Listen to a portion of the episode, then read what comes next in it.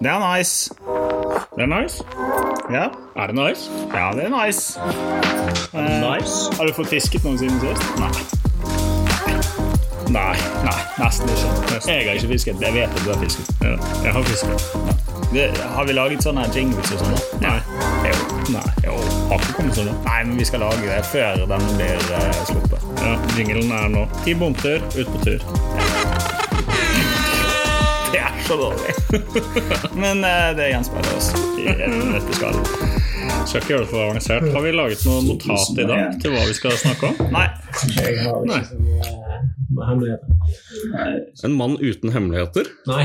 Nei. Men de, de er så mine. Det, der er på en måte Jeg har ikke noe farlig i det. Nei. Det er bare Nei, det, er bare, det er greit å bare spørre. At ikke vi dummer oss på noe. Ja, men da har vi gått gjennom det vi ikke skal snakke om. Er- er- Allerede før Allerede i opptak. Ja. Ja. Vi starter jo ja vi starter jo sånn hver gang. Eh, så nå har dere hørt stemmen så vidt, men jeg har vinklet mikken litt mot meg nå, eh, i en eh, forsøk nå på å følge opp igjen ChatGPT Ja, er, eh, og dens rolle i denne podkasten. og så er det jo han som har den beste radiostemmen, som må innlede. Ja, så da leser vi fritt fra ChatGPT, eh, rett og slett. Eh, og dette er da Kriteriene var Jeg spurte ChatGPT hvem er denne personen, og kan du skrive en introduksjon i norrøn stil på denne mannen. Så i de urørlige skoger over dype, mektige elver vandret en urokkelig forsvarer av moder jord. En ekko av våre forfedres fryktløshet og kraft. Navnet hans bærer klangen av vinden som hvisker gjennom løvverket og suset av elvens sang. Med sverd av ord og bue av handling har han utfordret de mektige makter som ønsker å tøyle naturens uhemmede kraft. Som en moderne viking i miljøkampen har han satt sitt mot i brann og stått opp mot de som ville plyndre våre skatter og tråkke på vår arv. La oss driste oss til å høre på hans stridsrop, for hans kamp er en hyllest til landet, vannet og det ville. En brennende fakkel i hjertet av det moderne Norden. Ta vel imot Ruben Oddekalv. Altså, eh, det er Det er helt konge. Jeg rødmer. Det er, Jeg skulle akkurat si det ikke så. Veldig gøy. Ja, velkommen Jo, til pod. Eh, sykt gøy å få lov å komme inn hit eh, på kontorene deres Ja. i Bergen. Eh, vi har jo masse vi har lyst til å snakke med deg om, egentlig. Så jeg er litt redd for at episoden drar litt ut i tid. Um, kommer vi, vi lukter bål. Lukter bål. Jeg har da dessverre Ikke fått laks. Jeg prøvde meg på en sånn her Vi har jo eh, sånn innledningsvis eh, så har vi, vi har vært på fiske i Bolstad. Det var veldig mye vann. Forholdene lå til rette for at det skulle bli fisk. Eh, ble ikke fisk. Så det var vanlig. Null ut. Bomtur. Bomtur. Eh, lever opp til sin navn eh, sterkt videre. Får ikke fisk når det burde være mulig å få fisk. Nei. Det er jo en sånn generell Det er jo noe de aller fleste kan relatere seg til. Det oppsummerer egentlig hele sommeren min. ja. ja, ja.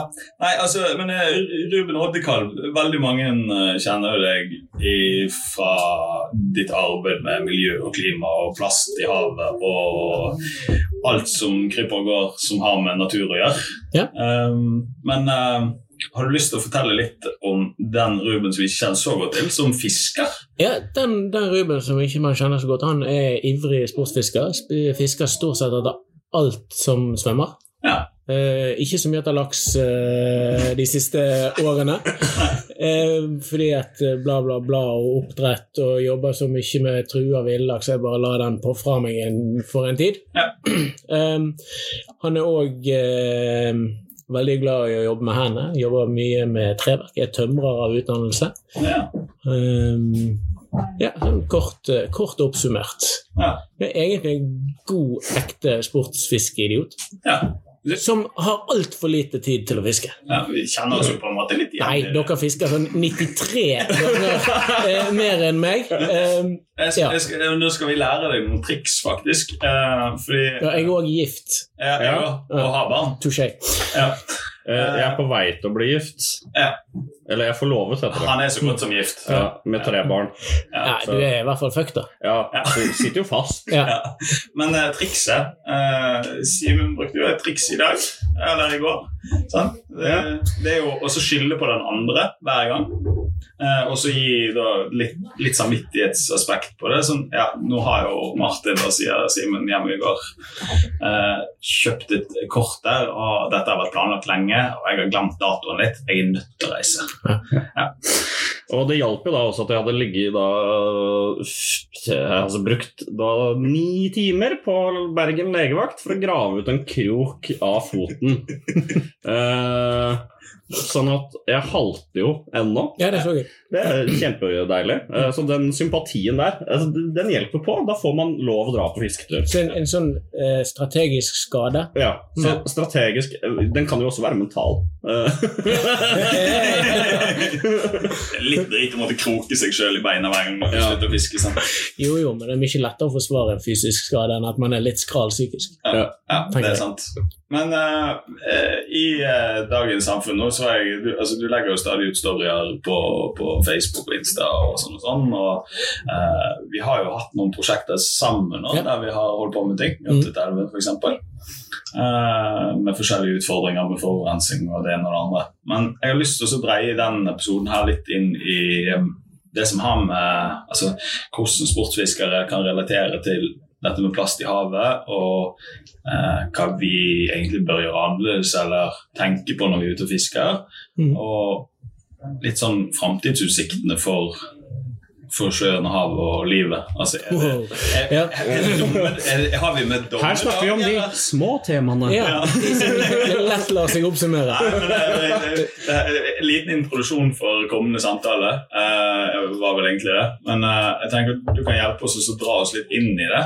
Ja, på en måte, hvis vi skal på en måte ta plast i havet og forsøpling først, så er det jo to momenter der som egentlig eh, angår sportsfiskere. Det ene er jo det man tar med seg ut på tur, Mm. eh, og det andre er på en måte områdene man ferdes i.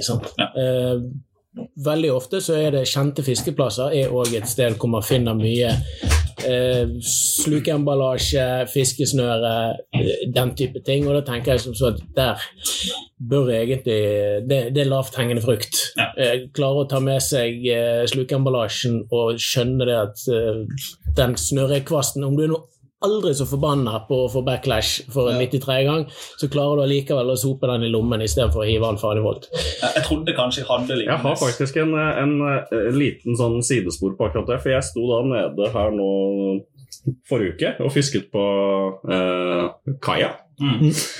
Eh, hvor jeg reagerer på Jøss, der ligger jo en and og flyter. Ja. Eh, som da hadde klart å surre seg inn i noens gut. Nettopp. Som hang igjen på bryggekanten. Eh, på da en brygge hvor det da selvfølgelig nå hadde dette ned langgangen ned, så du kom jo ikke nedpå til brygga. Hvor jeg da og Magnar ble stående og kaste sluk mot dette her for å få samla det opp igjen og få det vekk fra vannet. Ja. Det, er, det er jo et Eh, godt og det er jo sånn veldig sånn konkret. Du ser her er det faktisk en and som har dødd fordi han har surra seg inn i gutten Ja, som en, en- idiot, rett og slett. Ja, en eller annen har jo rett og slett tatt det valget om å ikke ta den med seg. Ja. Selvfølgelig Man kan alltid hevde at man har glemt det, men da, er det, da har du gjort noe grunnleggende feil der. Og Det som er kanskje aller mest skremmende, syns jeg, er jo at når det fiskesnøret har drept den anden, så kan man ta ok, Hvor lang tid tar det før en and råtner opp og blir til eh, borte?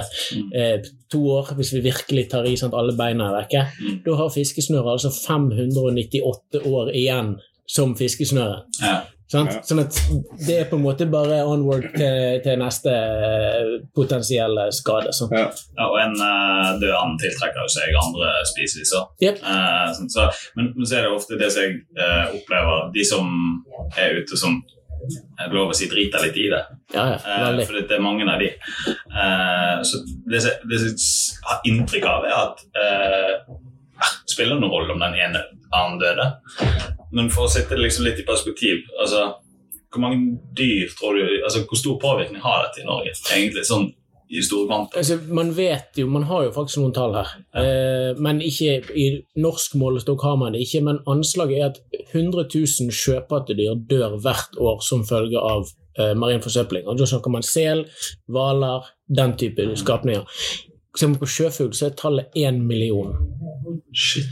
Og når man da tar med i betraktningen at veldig mange av sjøfuglene våre er de som er mest truet, de er de som på en måte har hatt størst Vi har knabba maten deres i, i, på en måte i fiskeriene, og veldig mange sjøfugler er, har kritisk lave bestander. Ja. Så hvis du tar én million, give or take, her er jo veldig, veldig store mørketall, Mm. men det er faktisk ikke bare én and. Det er snakk om titalls og hundretalls eh, hvert år eh, bare i Norge. Sånn. Mm. Og det er ikke eh, Det er sinnssyke tall. ja, men prøv å gå en Det fisk... sjokkerer meg. Ja, men prøv å gå en fisketur et sted hvor det er en del andre som fisker, og så se om du ikke klarer å finne Mm. eh, noe fiskesnøre. For det er egentlig ganske godt gjort. Ja. Altså, vi, hadde, vi, vi driver og fridykker litt. da. Mm. Nå, I år så har det jo ikke blitt mye fridykking fordi at vi er med på en Havfiskeren! Ja. Ja, Vi må skyte inn hav. Vi er ikke sponset av Havfiskeren, vi er bare glad i Havfiskeren. Det, det er ganske tydelig. Ja, vi har strengt tatt ingen sponsorer, så velkommen skal dere være. Men eh, eh, Se der! Ja. det er viktig å joke litt, da. Men, eh, men um, eh, vi har fridykket en del tidligere, og jeg husker en spesielt en plass nede på Bømlo. Eh, det var vel med Raymond, tror jeg. Eh, og da sam- var det et sund der, og så var det fint å gå ned der for å fiske. Eh, og så var vi der og dykket. for vi tenkte oss en fiskeplass hvor det er populært fiske. Dykking for å fange fisk. Ja, gir mening. Eh, og da endte vi opp med Vi fant jo ikke noe fisk, og det var ganske dødt, eh, men vi fant i hvert fall Uh, i hvert fall 20 kilo med sluk. Uh, og det å dykke nedi den suppen av gammel uh, fireline og monoline og alt mulig sånn, det er jo egentlig det er jo ikke bra engang. Nei, det er jo, det er jo farlig for, for Ja. dykkeren i seg sjøl, men, men det kan man jo dra videre til masse andre skapninger som, også, som har, er nødt til å leve der og skal hente maten sin der Yes. osv. Eh, og det som på en måte, det vi oppdaget det var mye sånn små, eh, små krabber som drev og krøp opp i fjæresteinene. Og vi fant flere av de som var surret inn. liksom. Ja. Og det, her, det er jo en påvirkning. Men eh, hvordan skal vi bli bedre på Akkurat det å miste sluk er jo noe dritt. Eh, vi har jo alle stått der uh, Det er ikke billig. Nei, det er verken billig eller uh, sykt irriterende og i det hele tatt. Spesielt òg fordi det er alltid den gode sluken du mister. Um, for det er den du fisker med. Ja. så det er jo veldig Men, men så, så den er jo verre, på en måte. Men man kan jo på en måte prøve å i hvert fall bruke riktig svøre og fiske litt klokt. Mm.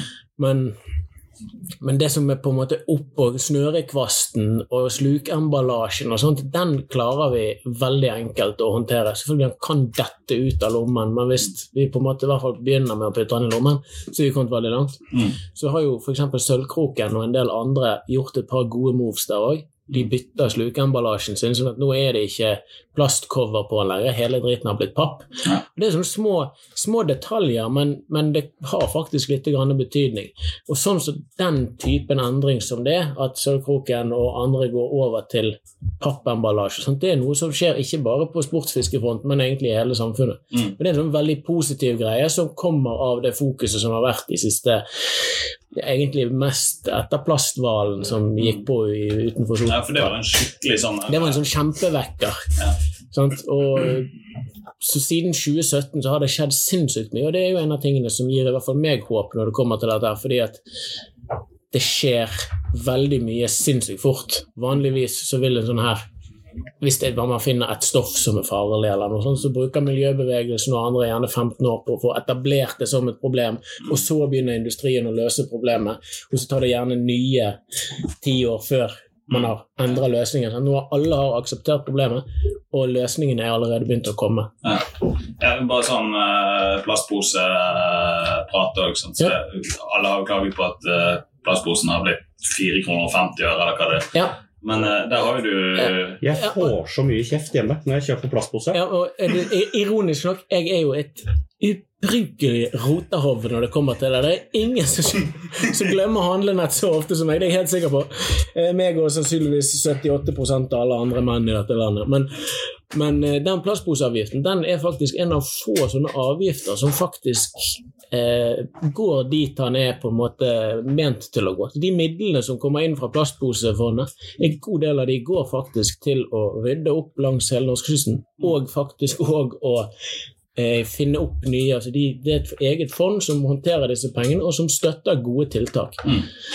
Eh, så det Ja, ja kanskje pose, posen koster noe, men jeg, jeg syns egentlig på en måte det er greit. Ja, Og, og det handler ikke så mye om denne posen. Det, det, det, Det er litt prinsippet. ja, det er litt prinsippet, og så er det noe med det at ja, vi skal gjøre masse store endringer her. Mm. Og da må man gå litt sånn det, er, det er som å klatre en stige. Sant? Du er nødt til å gå trinn én. Og det er på en måte kanskje å bytte til pappslukeemballasje, noen papirsugerør, sånne jævla idiotiske skeier på yoghurten og litt sånne ting. Jeg skulle til å spørre, ta det, da. For det, det der er jo en sånn der sånn så, Jeg husker første yoghurten jeg kjøpte med, med Eh, det gjør vondt langt inn i sjelen. For det, for det første, det fungerer jo ikke eh, å spise med. Og for det andre så ligger du gjerne pakket inn i plast. ja, ja, En ja, naturlig nok. skei. Ja. sant? Altså, sånn, jeg føler uh, Vi har jo en fortsatt en vei å gå, men det, det handler mer om prinsippet. Ja, det er akkurat det. Og så er det det at vi må på en måte akseptere at ja, vi snubler litt. sant? Mm. Og man kan gjerne si at en skei som er tre centimeter lang, er å snuble litt. Ja. Sant? Men, men ok, greit. Ja. Men vi, vi er på en måte på vei dit. Og så har du eh, organisasjoner som eh, Miljøvernforbundet og, og andre som jobber for på en måte å belyse denne problematikken. Den viktigste jobben vår er egentlig å få folk flest til å akseptere at det må endring til. Mm. For når folk flest aksepterer at vi skal endre, da kan politikerne gjøre ting. Mm. For politikerne kan ikke på en måte trå inn og gjøre noe før det er allment akseptert hos folket. Vet vi i hvor stor grad bare som Du var litt inne på det i stad, med at eh, nå som alle forbrukerne på en måte bytter eh, Eller har et, får et mer bevisst begrep om dette med plast spesielt, da. Mm. Eh, hvor lang tid etter industrien kommer? Fordi det er ikke å stikke under stol at den mengden med garn og plast og ting og tang som blir liggende igjen etter fiskeriindustrien spesielt, da, Ja. er jo vesentlig stor. Ja, altså kan si På nasjonal basis i Norge, bare for å ta noen tall, da, så 77% av alt det avfallet som ryddes langs norskekysten, det kommer fra Norge. Så det er norske kilder. Ja. Så vi kan på en måte ikke skylde på, på noen andre. Men av disse så er i enkelte regioner 60 mot til 80 er fra fiskeri og havbruk. Ja. Det, det sier seg så selv at vi har en kjempejobb å gjøre det. Det er jo litt som å drite i egen hage. Ja, eh, Eller ikke bare litt, veldig. Veldig. Er akkurat det samme. Ja. Jeg tror nesten det er bedre altså, eh, slippe seg en gontafiss i hagen. Jo. Dri- Drite i egen åker, kanskje. Ja. Eh, og vel så det. Nei, eh, så mye av løsningen ligger jo hos industrien, men det er der den politiske delen av det kommer. Ja. Sant? Så du må, først må forbrukere akseptere for å skape handlingsrom til politikerne, som må regulere industrien. Mm. Og så ser vi jo òg nå at ganske mye av industrien eh, er proaktive og er, er på, rett og slett. Eh, eksempelvis eh, Jeg kjenner Sølvkroken, derfor sier jeg Sølvkroken, men de har på en måte tatt et grep om at ok, vi må prøve å komme oss vekk ifra den her slukeemballasjen i plast, for det får vi litt trøbbel for, for der ligger vår reklame igjen på hvert jævla svaberg. Mm. Ok, vi tar noen grep her. For enten så tar de det sjøl, eller så får de det som en regulering. Tar de grepet sjøl, så kan de styre design og alt mulig sånt. Sant? Men kommer det som en, regulering, så får de gjerne noen rammer som de ikke trives i. Mm. Så en del industrier er på en måte der. Men Du har til og med store oppdrettsaktører og tauprodusenter og sånn, som har begynt å merke utstyret sitt på en måte Selve tauverket er merka, sånn at hvis du mister en meter med tau, så kan du på en måte spore det opp igjen. Mm. Og da, da begynner på en måte industrien å løpe om kapp med politikken, og det syns jeg er veldig gøy. Nei, det er positivt. Utelukkende. Mm. Men uh, ah, nå har jeg drevet og spist noen sånne elgpølser når vi har vært på tur. Ja, Da har du jo jobb i dagevis. Ja. Men den henger midt i fortenden. Eh, Utrolig Veldig greit, vi kan heldigvis ikke se det. Så det er egentlig bare Men bare for å eh, To sekunder. Nei. Jo. Nei, nå er det min tur! Nei, nå har du elg midt i trynet. Ja, jeg har en oppfølging til det. Ja, hvis du har en god oppfølging, skal du lufte av. Ja. Eh, jeg har begynt å jakte en del. Ja. Eh, og nå er det, vi snakker mye om emballasjen til slukene, mm. men det er jo kommet også et blyforbud på hagle spesielt. Altså at man ikke skal skyte med hagle i fjellet. Mm. Den Jeg vil jo tippe da, bare at den andelen blyhagl som ligger igjen i fjellet etter et hundretalls jegere, er ganske forsvinnende liten i forhold til den mengden med bly vi hiver igjen i havet. Mm. Av, Men der, eh, bare for å ha noe sagt, det er en grunn for at det blyforbudet, eh, i hvert fall fram til nå, har gjeldt på fjellet, ja. og, og ikke med sjøfugl. Ok. Eh, bly er et naturlig sporstoff i havvann. Ja. Sånn at eh, effekten av bly i havet er relativt sett mindre enn på høyfjellet. Ok. Ja. Sånn at eh, vi vil ikke ha eh, tonnevis med, med blysluker i saltstrømmen og andre strømmer. Altså. Men, og det er ikke bra, fordi at du- det blir konsentrert og sånt, men effekten er eh, relativt sett lavere. Ja. Da lærte vi faktisk noe nytt. ja, det var det. For jeg har hatt litt dårlig samvittighet når vi er ute og fisker med Holdt på å si fortsett med det. Ja, Fordi at vi, eh, vi prøver å unngå det så langt vi kan, og etter hvert nå så kommer nok òg slukprodusentene til å prøve å gå vekk ifra bly. Ja. Eh, Og de har vel så vidt begynt på det en del etter deg. Mm.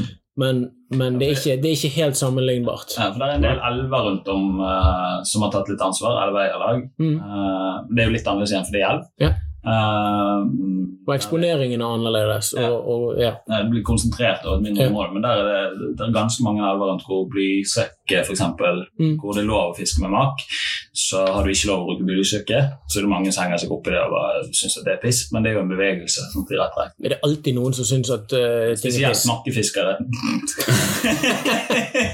Ja, altså, jeg kjenner flere makkefiskere. Det som faktisk kjennetegner mange makkefiskere, hvis vi skal nå på en måte dra den, da, Mm. er at de får ganske mye mer fisk enn de som fisker med flue. Så uh, en, en hilsen til min kollega som fisker mye med makk. Ja. Så har du de der osingene der, sant, uh, ute i Oselven der. Nå skal jeg ikke snakke ned noen der ute, men jeg har jo møtt det på Det, det er det som har gjort at makkefiskeren har blitt en sånn greie for meg. Jeg er fluefisker. Det er fint, ja. men, neida. det, men det der er jo et sånt klasseskille. Uh, ikke klasseskille, det er Jeg skulle ikke si det er klasseskille, det er Ja, Skal du liksom bare gå rundt med de uh, svims, uh, eller hva faen det heter for noe? Nei, nei. Vaderne er dine, de, Ja, de, noen er jo sånn Det her ble så feil. Ja, nå, Ja. nå kommer du ut som verdens største fluefiskesnobb. Hva var de Parodi på, det, på liksom hele Ja. Ja, nei, Der tråkka du greit i salaten sjøl. Eh, for vi skal bevege oss litt over i det med, med, med laks. Vi skal snakke litt om det, og så skal vi fase det over i eh, litt andre ting òg. Men så jeg prøvde meg på en innledning her, det gikk i dass. Men ja, vi kan jo bare hoppe over det. Jeg tror vi hopper over det. Ja. Bare Ja. bukk. Ja, fordi nå har vi hatt oss en tur i Bolstad. Eh, Vossåvassdraget. Mm. Det er en elv som har slitt i mange år. Eh, det har vært veldig mange unnskyldninger om hvorfor det har skjedd. Eh, rett bortenfor i fjorden så er Dalelven. De driver kjempebra. Fordi de har veldig hyppig klekkeridrift og jobber masse oppi elven der. Mm. Eh, det er sikkert mange som kan mye mer om Dalelven enn jeg kan. Jeg har fisket veldig lite i Dale, dessverre. Eh, men laks og laksefiske altså NMF har jo en lang historie med å snakke om miljøproblematikk rundt laks. Mm. Um, hva som er den største trusselen i det? Ja, altså, mm, trussel. Det er mange trusler. Ja. Og det, det har jo på en måte vært greit eh, belyst. sånn at Elveregulering er en pain in the ass. Men stort sett, og det som på en måte skal nevnes der, det har man holdt på med i 50-60-70 år. Ja. Sånn at, og, og man har vært ganske god der på å gjøre avbøtende tiltak. Ja. Sant? Så man har på en måte eh, ja, klekkerivirksomhet og en del sånne ting som på en måte har eh, til en viss grad kompensert for det. Mm. Eh, Ja, av, nå skal jeg ikke avbryte deg, men avbøtende tiltak Jeg lærte meg hva faktisk avbøtende tiltak var eh, når jeg snakket med Reidar Staalesen. Ja. Eh, for jeg trodde at avbøtende tiltak, og det er jo fra Mjøtveitvassdraget, da eh, Jeg trodde at avbøtende tiltak var å begrense skade.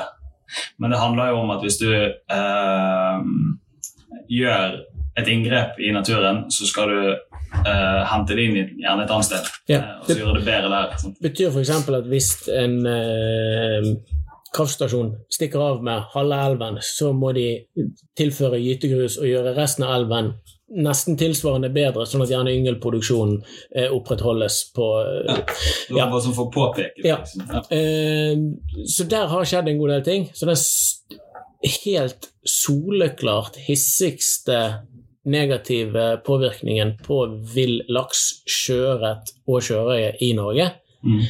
er definitivt oppdrettsnæringen. Og det faktum at de fremdeles ligger på fri eksos og durer og går uten å ta noe som helst form for egentlige miljøhensyn. Mm. Nå, nå har vi en uh, sommerferieist som kommer inn her. Ja, det er jo opptil flere unger på kontoret her i dag, så Ja. det er nå engang sånn det er. Han er litt sliten fordi han også har vært med på laksetur. Ja, det har jeg sett. Fikk dere noe? Vi fikk en ørret. Fikk en ørret, sant? Ja. Men like gøy å få den som denne laksen. Ja. Ja. Skal vi få bare prate ferdig? Og så, hvis du sitter der borte, du har jo iPaden din, men du er sikkert tom for strøm. Det er jo stikkontakt. Ja, Men pappa har telefon som du kan bruke. ja. se her. Men eh, da blir det lyd og sånn. Gi meg fem minutter, du, så er vi klar. Ok? Skal vi pause i to sekunder? ja, Tåler det? tåler det. Hva lurte du på? Det er nice. Det er nice. Ja. Er det nice? Ja, det er nice. Eh, Nice. Har du fått fisket noen siden sist? Nei. Nei, nei, nesten ikke. Jeg har ikke fisket. Jeg vet at du har fisket. Ja, Jeg har fisket. Ja. Det, har vi laget sånne jingles og sånn? Nei. Men jeg, jeg fikk jo med meg nå en, eh, en påvirkning av oppdretten som jeg ikke har eh, tenkt over tidligere. eh, her nå i uka på Fridykkerforumet. Ok. Eh, hvor det var en som postet et eh, spørsmål på eh, et område han har dykket masse på tidligere. eh, hvor det har vært flott tareskog, mye liv mm. og den type ting. Eh, som nå er fisket ut av leppefiskere. Ja. Som også da har ført til at tarskogen har dødd. Og det ligger igjen bare et goldt landskap etter at eh, den store delen av næringskjeden forsvant ikke sant, fra området. Yeah. Totalt fisket ut. Og området som tidligere var et sånn fridykkersted for å finne veldig mye forskjellige arter, var nå borte, borte rett og slett. Altså Det lå bare igjen eh, stein og, og grus. Det her, hvis det her er samme saken som eh, jeg tenker på nå, eh, så er jo det ute i Mangalsfjorden. Bare på Ja. nordsiden ute med Toska. Oh, ja. Eh, og der, fikk jo, der var jo du litt involvert, da. Er ute på um, Ja. Der ble jo, Kåbe. Ja, ja, på Kåbe. Der. okay. der ble jo det stanset et anlegg, for det, de, de, de ville jo ekspandere i området. Ja, men det ville jo alltid. Ja. Og det, det er jo Er det én ting som kjennetegner den næringen, der, så er det en sinnssyk vekst. Koste hva det koste vil. Og akkurat som du sier, økosystemene ligger jo på rygg alle steder de etablerer seg. For enten så er det det at de knabber leppefisken, eller så er det at de slammer ned sjøbunnen, eller så eh, lusebehandler de og dreper alt av skalldyr i en hel fjord. Altså, Det er så mange forskjellige negative påvirkninger at ikke bare overfor laks og sjøørret og sånt er dette en kjempetrussel, men for hele økosystemet langs kysten så er oppdrett i åpne anlegg definitivt den største trusselen i dag. Og at de tar leppefiske og at de tar all leppefisken eh, gir jo den type konsekvenser, som du sier. Altså, plutselig så har du tatt vekk en nøkkelart som på en måte er en bærer i hele kystøkologien. Og da, tar du vekk du tar, For det første tar du vekk renholdsarbeideren. Sant? Og Oppgaven til leppefisken er jo å spise parasitter og holde på en måte de bestandene i, i sjakk. Sant? Derfor de smaker så godt. Ja, for eksempel. Men i tillegg så er de òg hovednæringsveien til store deler av kysttorsken. Mm. så plutselig så har du eh, sparka den i eh, tilbake i, i size, ikke sant? Og, og sånn som det der, så brer det jo bare om seg. Og over tid så får altså, Det er vanskelig å peke på nøyaktig hva konsekvenser det får, men over tid så får det jo en stor konsekvens. Og det er jo summen av på en måte alle de negative. Sant? Du, du lusebehandler og tar livet av masse krepsdyr, du fjerner leppefisken, du nedslammer områder. Så, så det, det er på en måte summen her. Sant? Men, men eh, la oss være ærlige. Uh, vi blir ikke kvitt næring, altså, næringen. Det, og, og jeg tror jeg har, jeg har vært en av de som har vært på internett og skrevet med capslock på. Eh, eh, hater oppdrettsnæringen, få det ut av fjordene, brenn en plass det ikke skal brennes, osv. Eh, men hvis vi skal gå realistisk i det, oppdrettsnæringen forblir. Det tror jeg. Det gjør han nok. Men hvis vi skal tenke på framtiden, så er det oppdrett i lukkede anlegg da, som er løsningen. For det, Ja. det tar jo vekk, sånn som jeg skjønner det, korriger meg gjerne hvis jeg tar feil, men det tar jo vekk eh, leppefiskfiske. Det trenger de ikke lenger. Nei. Fordi at man har et lukket anlegg som ikke får Du får, du får ikke lus, så derfor så trenger du på en måte ikke behandlere. Ja. Eh, Så har du dette som ikke har vært oppe i media på en stund, men uh, er nitrogenperoksid Nei. Det er det avlusningsmiddel. Avlusningsmiddelet. Ja, det finnes mange, og det er jo sant? De, de bytter jo på hva de bruker. Ja. Eh, sant? Så det er hydrogenperoksid, er nok det du refererer til. Eh, men de bruker òg masse forskjellig annen kjemi. Ja, men det, det å få det jo vekk, sant? Ja, ja, du fjerner hele behovet. Ja, og det jeg ikke helt forstår med det, jeg bare ser regnestykket. Sant? for det, de mister jo masse fisk i anleggene, de som dør av forskjellige sykdommer. Eh, de bruker masse penger på kjemikalier.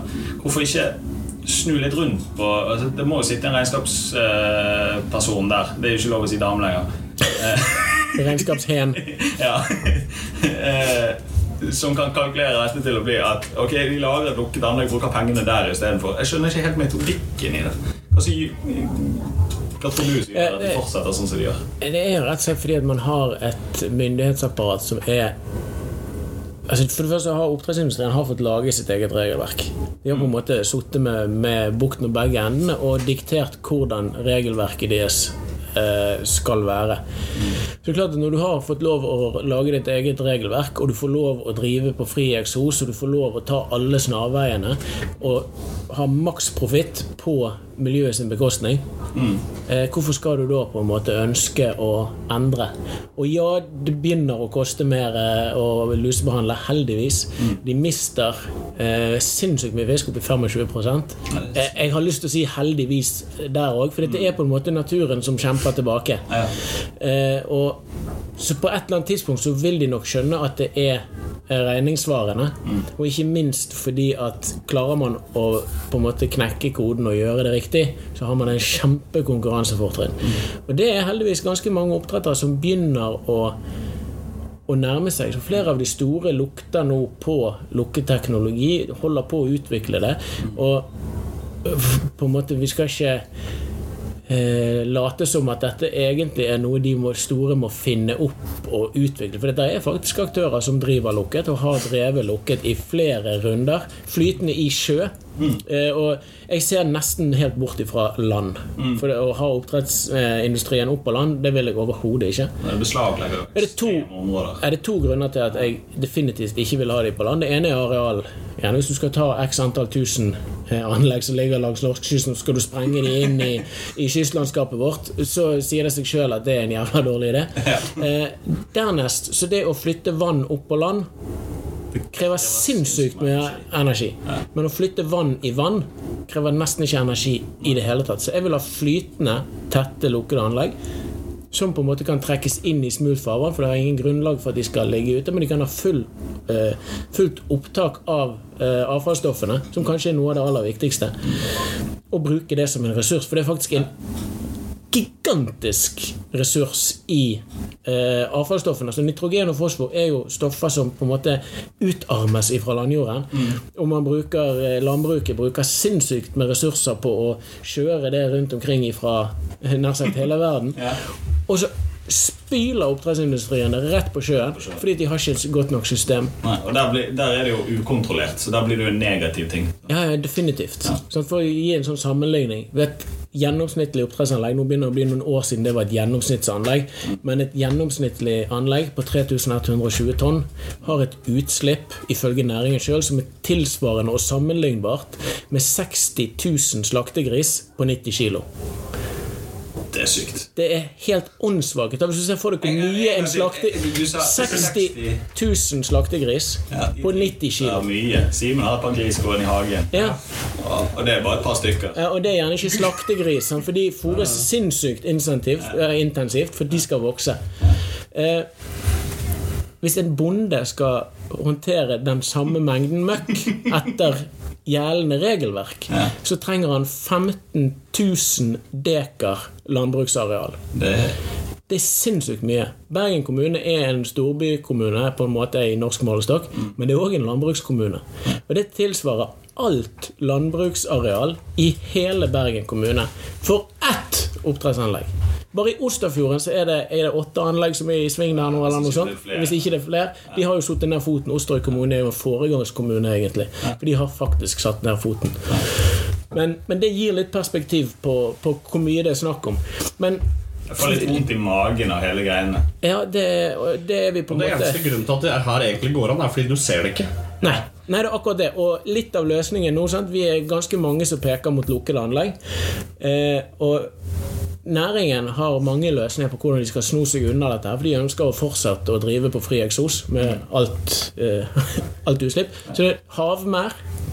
Mm. Mye større. Mer fisk på ett sted. Bare ut i havet. Det er så, det er så sykt dårlig idé. Ja, det er så inni helvete dårlig, det. det er, ja, eh, Jeg har vært på Jeg har vært en gang sånn skikkelig ytterskjærs på havet. Mm. Det var seilt med Statsråd Lemkull til Lorkedøyen for mange år siden. Så fikk vi, fikk vi en god bris. Og de kreftene som er ute i havet Yes. vet ikke om de ingeniørene som sitter og tenker på eller konstruerer de havbruken, om de, om, har de vært ute på den? Nei, det, det har jeg òg lurt på. Og så hadde du jo SalMar har jo bygd en, en havmær som skulle være så fantastisk. Det gikk jo nøyaktig så bra som vi forespeilte. Ja, de De hadde ha jo- det utenfor. Ja, de hadde han jo, men for det første så ligger han jo ikke ytterskjærs. Han ligger i en fjordmunning. Ja. Så han ligger sånn halv, halvveis eksplodert. Men det rømte jo fisk derfra, så det kvein etter. Eh, men nå, nå, nå har vi snakket om laks. Og så For å gjøre det enda mer dystert Ja. For jeg er, bekym- ja, men jeg er oppriktig bekymret, fordi at hvis, eh, altså, Jeg har alltid tenkt at laks eh, ja, Der finner vi en eller annen form for løsning. Oi, nå, nå er vi inne i sånn Ja, ja. Barnegreier. ja, Ja. ja, men sånn er det. Hent iPaden, du, og så tar du med deg den ledningen her. Så. Smooth. Så, Tar du med deg den. Og så hvis noen har en stikkontakt, å stikker den i, så har de det der. Nei, man finner ut av det. Eh, nei, men eh, bare for å gjøre det enda mer dystert. For når, laks eh, Jeg har alltid tenkt ok, eh, det er i hvert fall én næring. Den klarer vi kanskje å få kontroll på. Men nå har de begynt med eh, kveite, de har begynt med torsk. Og de, har, de er i startgropen av det. Ja, eh, og det er jo det altså, Nå har vi snakket mye om laks, sånn, Simen. Nok eh, Ja. Altså, det er mye laks. Ja, men vi fisker jo mye på andre arter. Det er jo på en måte det vi meg og Simen har gjort sammen. Eh, og det er jo der Team Bomtur kom. Det er jo navn, altså teamnavnet vårt i Havfiskere. Eh, hva skal vi gjøre med den næringen? Altså, hva skjer? Nei, vi var, vi var litt inne Jeg har for lite informasjon. vi var, vi var jo på en måte litt inne på det i sted at, at eh, oppdrettsindustrien, laksenæringen, er på en måte kommet for å bli. Mm. og det er jeg styggelig redd for at vi har rett i, alle sammen. Og det må vi bare innfinne oss med. Og så må vi aldri hvile før de er inne i tette, lukkede anlegg. Hvert et jævla anlegg. Eh, men det er nå på en måte den industrien og den grenen der er blitt så stor at det er på en måte det beste vi kan oppnå for miljøet. Det er å få de lukkede anlegg, og det får vi til. Og det, den, det er på vei. Per i dag så er den største bekymringen min, og som du er leder oss inn på er rett og slett at nå dreier altså Nå er på en måte norskekysten på en måte full. Det er ikke plass til flere oppdrettsanlegg for laks. For de, de kan ikke være en tettere enn sånn og sånn, for da smitter de hverandre. Men annethvert anlegg, altså imellom hvert oppdrettsanlegg for laks, så kan du legge et oppdrettsanlegg for torsk. Eh, Så den store våte drømmen og det som på en måte jobbes veldig intensivt for nå, det er at torske, oppdrett av torsk skal liksom bli den store, nye eh, vekstgrenen innenfor oppdrettsindustrien. Så oppdrettsanlegg for torsk, det får vi inn nye søknader for nå eh, egentlig hele veien. Ser Der, ja. Se her. Eh, sant? Og, og det som er med oppdrett av torsk, er på en måte at alle de problemene som er representert med oppdrett av laks, de er der med torsk. Så det er på en måte ingenting som er mildere med torsken. Eneste er at han har en del ting som er verre. Ja, for det, det det jeg liksom har sett på. Altså det, det lille jeg har lest meg opp på, er sånn genetikken og innblandingen der. Så du ser, har sett noen bilder av noe oppdrettstorsk. Det sånn, Altså industrien, dette er ikke, Det er ikke første gangen man prøver på oppdrett av torsk. Nei, Man har prøvd et par runder før. Eh, Biologien satte fot på de først. Klarte det ikke. Nå har de etter eget sigende oppdrettet en torsk, eller skapt, krysset og avlet seg fram til en torskerase som er latere, dummere og slappere. Grunnen til at de trekker det fram, er at den første generasjon, forrige gang de holdt på med oppdrett, så var torsken den er Laksen den ser et hull i noten, og så stikker han. Torsken leiter etter det, og han skaper det. Torsken gnager på merden i så stor grad at han gnager seg ut. Og de, ja, og de gnager systematisk. Så de rømmer med vilje. Så Derfor så har de da kryssa seg fram til en latere, dummere og slappere torsk som ikke gidder å rømme. Og for det første så er jo det et jævla falsum, for det rømte jo fisk det kvein etter i fjor. Bare på de her få eh, som faktisk er i drift. Men det som på en måte er det aller, aller mest skremmende, er at der laksen er nødt til å rømme, overleve gitt tid i sjø, og så gå opp i en elv til høsten, så kan torsken Han står jo bare i merden og gyter. For den gyter jo i frie vannmasser til vanlig.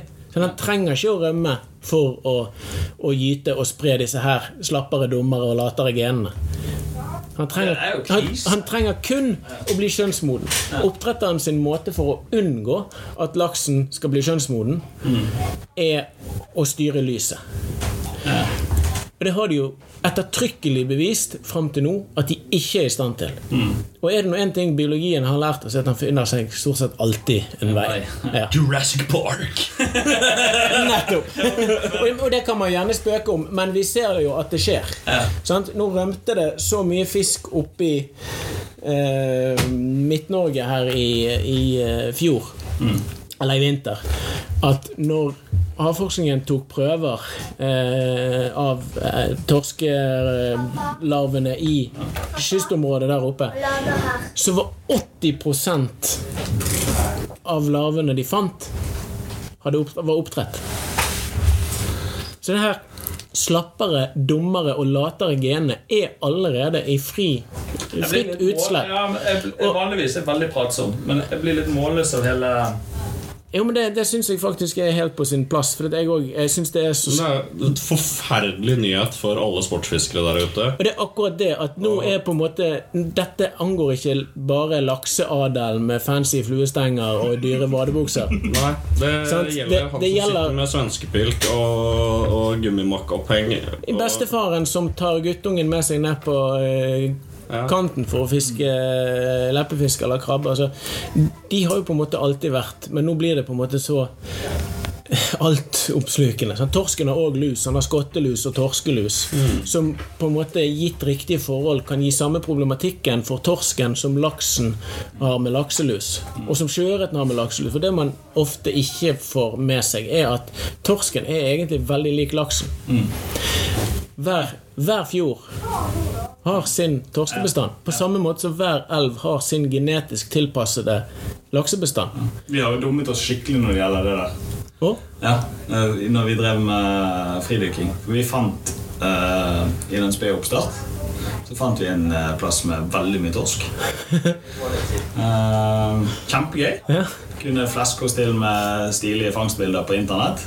Gikk fort over, eller? Det gikk fort over. Det gikk uh, to sesonger, så det ble tomt for torsk der. Det var, en, det var en liten spot med veldig mye konsentrert torsk. Ja.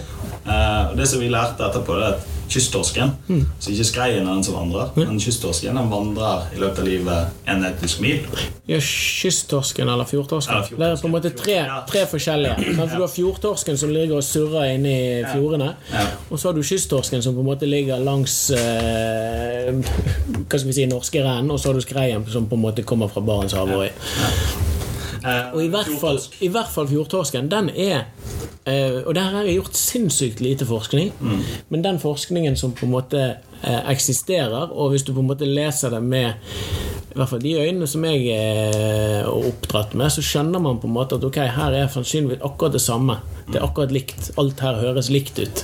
Du vil aldri få en forsker per i dag til å si at jo, det er akkurat likt, men forskere opererer ikke på den måten.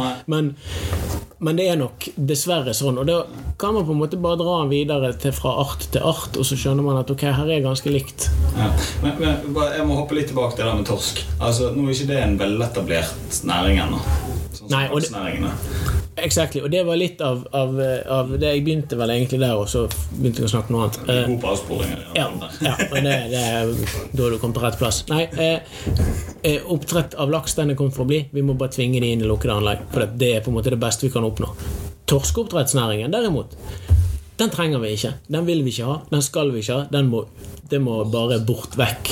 Ikke Hvordan skal vi greit. eh, sportsfiskere påvirke den retningen? For jeg er ganske enig med det utsagnet her. Det er, det er et håpløst tulleprosjekt. Vi har ikke bruk for det. Nei. Fordi at vi har mer enn nok torsk i fjordene til å fiske de opp den Altså Det vi trenger å spise, det kan vi gå ut i fjorden og hente. Ja, det er vel kanskje, kanskje ikke helt Nei, ikke helt. eh, det kommer- altså, torsk generelt eh, Hvis du skal gå til Oslofjorden og prøve å få deg en torsk, på en måte. Ikke lov å ta torsk i Oslofjorden! Nettopp. Ostafjorden, Oslofjorden, potet og potet. Det er litt det samme ja. Ja, men, men eh, nei, torsk eh, sliter jo på en måte litt, så jeg vet ikke om vi skal på en måte peke dit hen. Nei. Eh, vi har en skreibestand som er veldig sterk og god. Ja. Ja, Sesongmessig det. Sesong, sesongmessig så har vi nok torsk. Ja. Vi har ikke nok torsk hele året, men det trenger vi kanskje ikke. Kanskje det er det som er konklusjonen. Og så trenger i hvert fall ikke en sviktende torskebestand langs norskekysten de samme utfordringene som eh, laksen har fått fra oppdrettsnæringen. Takk skal du faen meg ha. Ja. Sant? Ja. Eh, jeg tror kanskje det er en Ja, Hvis vi skal komme med en oppfordring Jeg fikk Reidar til å komme med en oppfordring når det gjaldt laks. Uh, jeg tenkte jeg skulle spørre deg om en oppfordring når det gjelder laks, men jeg, jeg tror jeg skal eh, bare si Reidar sin oppfordring. Eh, og det er all, hver gang du går på butikken, spør om laks fra lukkede anlegg. Ja. For det, det skaper en etterspørsel. Og Hvis vi hadde klart å skape en bevegelse hvor alle som er interessert i å gå og handle laks på butikken, og liker laks Laks er jo godt. Eh, spør etter eh, laks fra oppdrettsanlegg med, som er lukket. Eh, men eh, når det gjelder torsk Du må bare egentlig eh, gjøre akkurat det samme, bare forsikre seg om at denne ikke er ifra oppdrett. ja. Det er egentlig så, altså torsk, Oppdrettet torsk det skal vi ikke ha. Det vil vi ikke spise. Det er en næring vi absolutt ikke vil støtte. Verken lukket eller i det hele tatt. Så, så den Bare ligger det dødt. ja, vekk med det. Og det samme tenker jeg langt på vei bør gjelde for kveite og litt sånn òg. Den oppdrettes litt annerledes. Det er ikke helt eh. Det, det er på en måte Ja, jeg kan egentlig ikke si at det er sånn eller sånn. Nei, nei. Men hvis de begynner å rømme og, og sånn, så er jo det same shit. Ja, vi, har, altså, vi har jo prøvd med masse forskjellig. Opp, en ting er laks, men sånn, så er det regnbueørret og så det altså, sånn- Det er regnbueørret eh, Bare for sånn at det er noe sagt, på en måte. Vi snakker om lakseoppdrett som et kjempeproblem. Det er null ting som skiller laks og regnbueørret. Måte. Greit, han krysser seg ikke direkte med villaksen, men han går ja, er er gyter i samme gropen og fucker opp og graver opp og gyter litt seinere og kommer da Ja. Så Og så er det jo inni Der var jo noen, eh, et naboland av oss som eh, oppe i nord, Russland. De startet jo med opptatt av en annen laksefisker som er blitt et kjempemonsterproblem, spesielt oppe i nord. Eh, det er jo pukkellaksen. Altså, det, det, viser jo litt Ikke kødd med naturen. Nei, nei det er akkurat det. Og det samme er ja. Jeg flirer litt når du sier pukkellaks. for Jeg har brukt hele helvete sommeren på å prøve å få en jævla pukkel. Nei, for faen! Jeg fikk ikke noe pukkellaks. Men om jeg fisket etter pukkellaks? Ja. Har du sett de bildene Ja, da. under vannet oppe? Ja, ja. Jeg har så Hvordan i helvete kan noen ikke få pukkellaks? Jeg tenkte, når du sa det Kunne der du ikke bare brukt håv? ja. Eh, el- Ja, eh, Du nei, har, du altså har sett de memesene på Facebook sant? med bilder av sånn eh, elv med eh, sånn- du, du ser ikke bunn, for det er så ja, mye fisk der. ja, Tagg en kompis. friend, Ja, eh, det er meg. Det er det. Det er meg. Og det er ikke, og det er ikke som en spøk eller som en tagg. Jeg sto der, og jeg fiska, og satan hvor jeg fiska. Og dette var jo oppe i, i, på Senja. sant? Jeg har jo halve slekten min er fra Senja. Eh, fantastisk plass, by the way. Eh, og jeg fikk jo da fullstendig lockout på eh, pukkellaks. Jeg skulle ha pukkel- pukkellaks. Hadde to arter jeg skulle ha i sommer. Det var spette. Nailed it, by the way. Eh, og så var det pukkellaks. Ja. Men, jeg, Eh, jeg, så- Det skulle jo vært barneskirenn. Utgikk, høykneløft. Jeg fiska. det er lov å si. Ja, det er lov å si. Ja. jeg, Nei, altså eh, jeg Jeg hadde eh, Jeg vet ikke hvor mange timer jeg hadde. nei, jeg, jeg, 30 timer. Jeg På natten når resten av familien sov. Så Dette var jo i, i beste midnattssolen. så det var lyst hele døgnet. Full fiskepsykose. Resten liker å la seg. Jeg gikk og fiska. Det er den beste tiden i verden. Ja, ja, ja da. Eh, time 32, så begynner det å bli litt lang i nebbet. Du burde vært medlem av Bomtur. Ja, eh, Hvor mange timer har vi etter Havabbor? Å gud, jeg lo når jeg hørte om det der. Ja, men eh, altså, jeg er overbevist på Nå nå skal vi ta opp igjen det med havabbor igjen. Ja, Ja. for vi, vi, Det var helt tilfeldig. Eh, neste target på listen var havabbor. Og den er en vanskelig fisk å få. Det er greit. Og så var jeg på vei eh, fra Stavanger eller hvor jeg hadde vært, på jobb. Uh, på vei opp igjen så stoppet jeg opp i Er det Hopsfossen det heter? Ja. Uh, kikker bortom der, og så bare det første jeg ser Jeg trodde jo jeg så en sjøørret, for jeg så bare skyggen av han som gikk i overflaten, som var sånn fem-seks kilo. liksom Jeg bare, uh, hadde han på telefonen. Og så er utviklet tykkleppet multe, da. Og det fant vi ut etter Vi har vært fem-seks fiskere der og brukt sammenlagt sikkert, sikkert 400 timer. Det som er litt morsomt med den der, for jeg fikk jo med meg at dere var på jakt etter det. ja. Eh, følger jo selvfølgelig podden og alt det der. Ja. Eh, fikk jo med meg i den spede starten av det liksom, ah, er noen som vet om hvor vi kan få havabbor og sånn. Så jeg bare, hm, jeg vet om et sted. så jeg lurte, skal jeg fortelle Martin at det er i, i, i, i Nordåsen? Nei. Og, og så, nei, ok, så så dere var der og fisket. Jeg, Ok, nei, men da har de Da vet de det.